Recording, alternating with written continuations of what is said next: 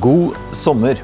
Da jeg for noen år siden hadde en studiepermisjon i USA, merket jeg at eh, mange der var så vant til kriser. De var nesten vant til å miste jobber, og at samfunnet gikk på store smeller og kriser. For meg som norsk trygghetssøkende så var det et ganske fjernt perspektiv den gang.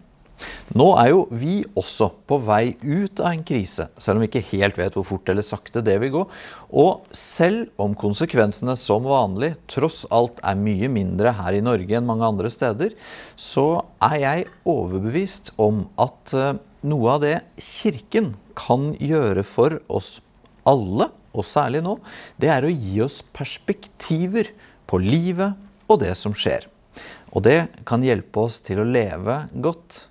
For kirken har jo vært i 2000 år, og den kommer til å være til Jesus kommer tilbake. Kirken lever altså med andre ord med en stor fortelling, og det kan du og jeg få gjøre også.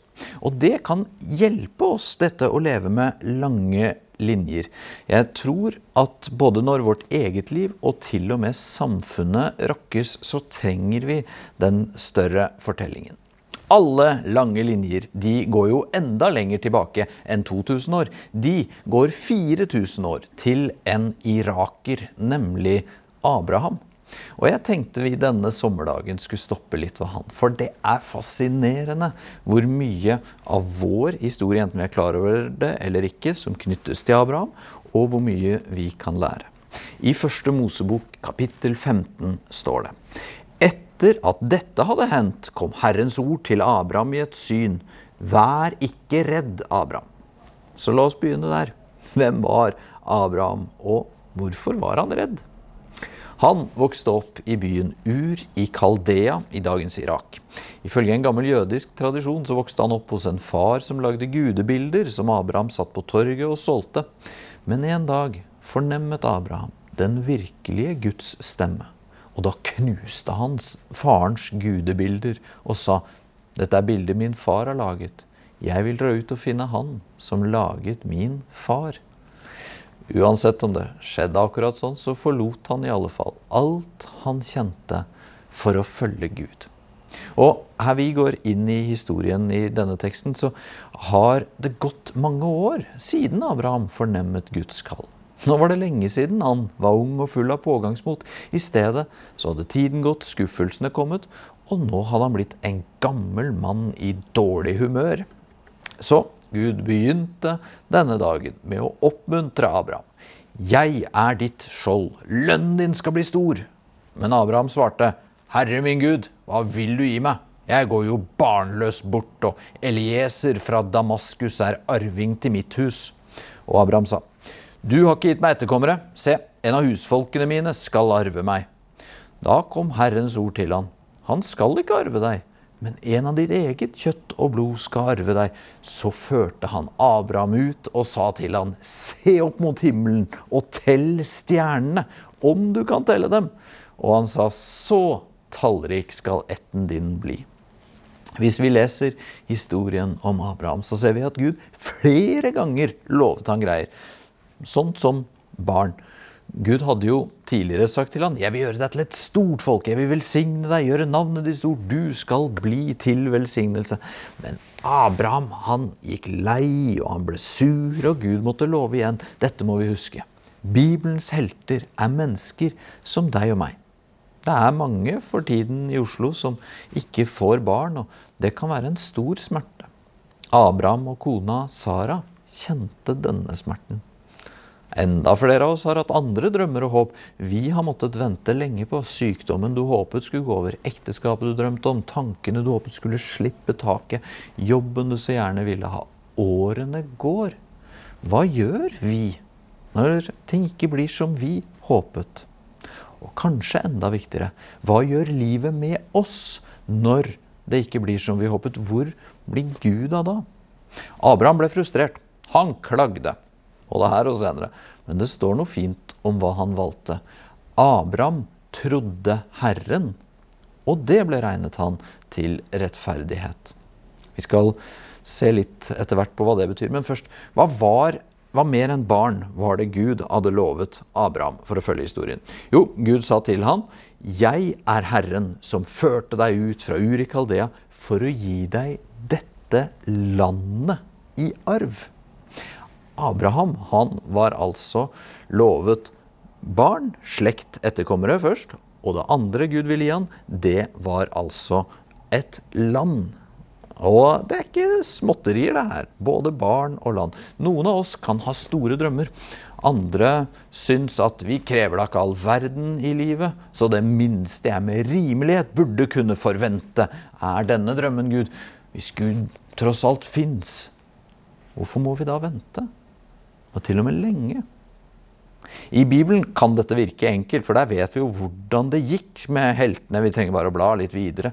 Men i vår virkelighet, når vi opplever at dagene er lange og årene korte, altså at det er tungt å vente hver dag, samtidig som vi føler tiden løper fra oss Det kom ikke noe barn for Sara og Abraham på mange år, så han gikk for en annen løsning med en annen dame. Og vi kan også av og til gå inn på sidespor, andre løsninger, fordi vi blir utålmodige. Hvis Gud ikke hjelper meg, får jeg finne andre løsninger selv. Men Gud holdt fast på at Abraham og Sara skulle få barn. Det bare drøyde og drøyde. Til slutt sa Abraham til Gud, Gud, nå er jeg 99 år. Sara er riktignok yngre, hun liker ikke at jeg snakker om det, men hun er 90 år nå, Gud. Og Gud bare Og så? Og så skjedde det. Sara fødte sønnen Isak, og en liten stund var alt godt.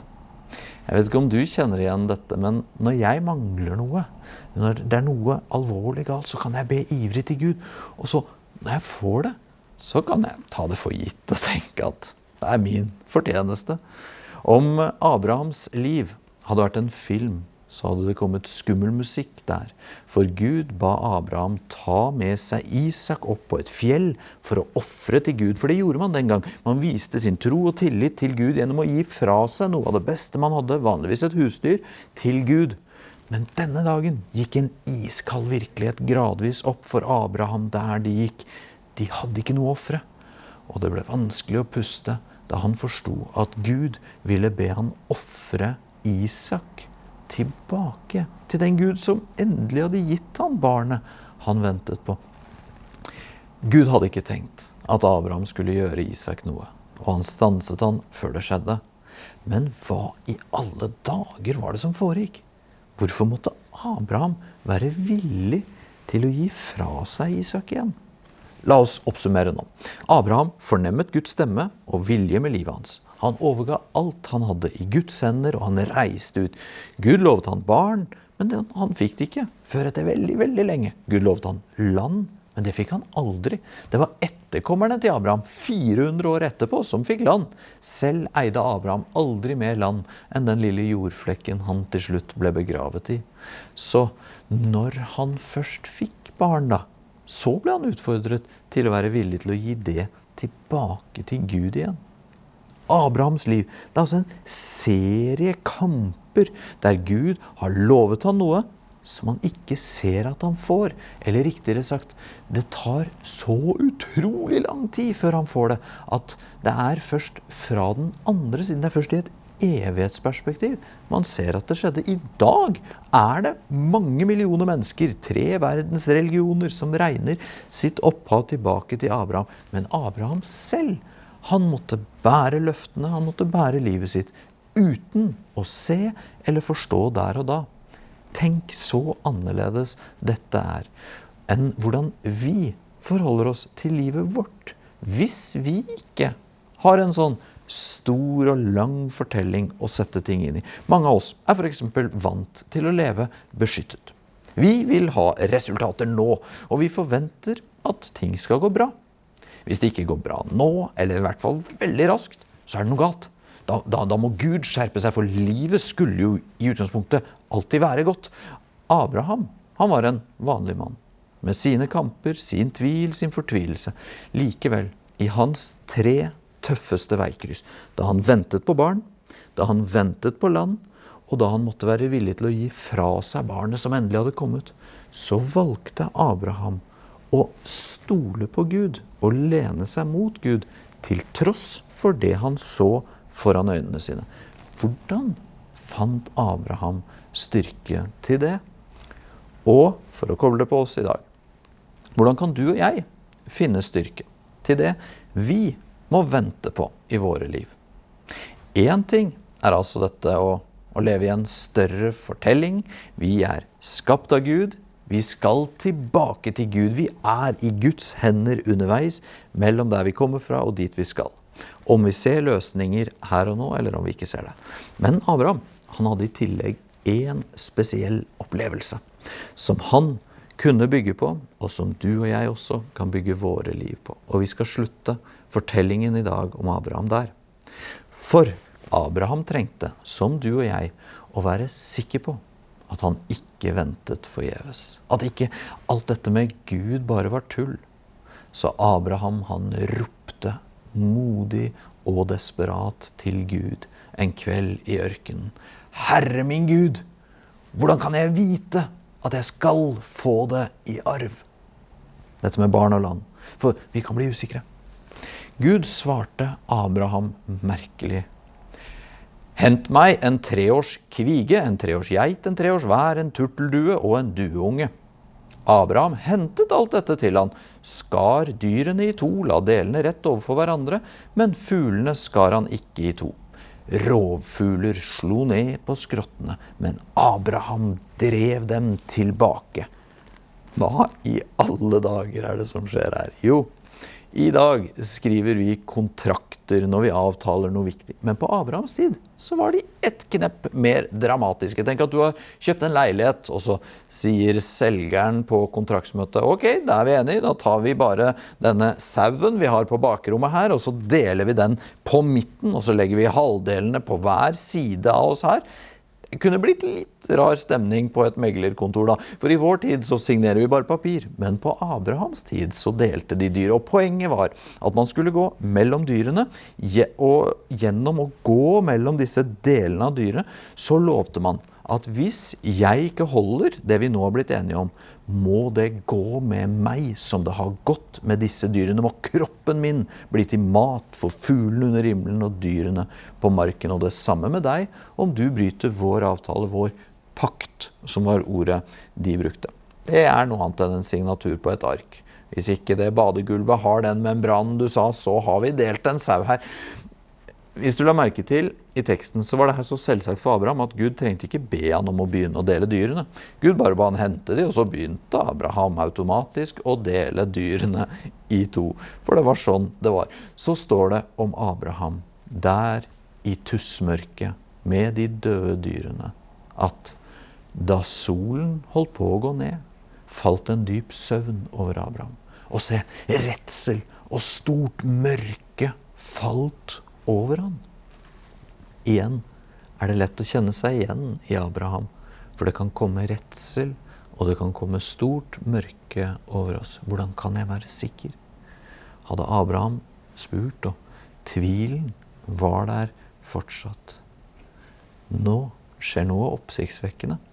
For det å inngå kontrakter med å dele dyr og gå mellom delene, det fulgte alltid et bestemt mønster, kan historikerne fortelle oss. Når en konge hadde beseiret en annen, og de skulle inngå en pakt, eller når en herre og en tjener eller underordnet skulle inngå en kontrakt, så måtte alltid den beseirede, tjeneren, den som sto under, gå mellom dyrene. Han eller hun måtte forplikte seg på konsekvensene hvis avtalen ble brutt. Begge kunne også gå, men alltid måtte tjeneren gjøre det. Herren trengte ikke å gå mellom dyrene. Hva skjedde med Abraham og Gud der oppe på fjellet denne kvelden?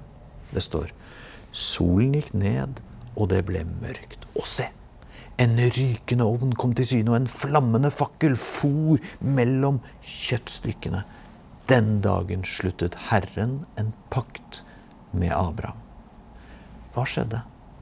Hvem gikk mellom kjøttstykkene? Hvem sa at om en av oss bryter denne pakten, må jeg rammes som disse dyrene, bli spist av fuglene under himmelen og dyrene på marken. Var det Abraham, tjeneren? Det ville vært det logiske om det var han som gikk alene. Var det begge som gikk? Gud og Abraham. Det ville vært rettferdig. Så kunne vi sagt sånn som religiøse mennesker, gode kristne, ofte har sagt om Gud. At Gud, da får du gjøre din del, så skal jeg gjøre min. Gud, hvis du bare gir meg bønnesvaret, så skal jeg til gjengjeld gjøre sånn eller sånn. Men nei, nei, nei. Det som skjedde denne dagen med Abraham, og som gir gjenlyd gjennom hele historien til oss i dag, det er at det var Gud alene som gikk mellom kjøttstykkene. Gud som inngikk pakten. Det er han som betalte prisen. Det er han som tok konsekvensen. Også om Abraham brøt pakten, avtalen. Og bildet for oss er så tydelig. Frelsen, redningen, den er vunnet av Gud. Ikke litt Gud og litt Abraham. Abraham gikk ikke mellom kjøttstykkene. Det var bare Gud. Og Gud sa denne dagen, om du, Abraham, bryter denne pakten, må min kropp bli knust og drept. Og 2000 år senere så skjedde akkurat det. Igjen gikk Gud alene. Denne gangen var det ikke mellom kjøttstykkene, men opp til den fryktede Golgata-høyden. Og alene hang Jesus, Guds sønn, på korset. Der ble han rammet av alle forbannelser. Jesus smakte helvete, fravær av Gud, fordi Gud gikk alene mellom kjøttstykkene den dagen med Abraham. Fordi Gud forpliktet seg på at pakten med menneskene avtalen mellom Gud og oss, den skulle Gud selv sørge for. Helt og fullt og alene. Så natten mellom kjøttstykkene så fant Abraham styrke til sitt livs lange kamper og sitt livs mange ventetider. For han visste at Gud hadde lovet at det var han som skulle bære. Og i det som skjedde på korset, så finner alle som vil, styrke til å forankre våre liv i en større fortelling. En fortelling om at Gud alene har inngått en avtale om å redde oss. Og ut ifra det han har gjort, så kan vi leve våre liv og forhåpentligvis møte det vi møter. Det kan være en større fortelling å koble våre liv på. Gud velsigne deg.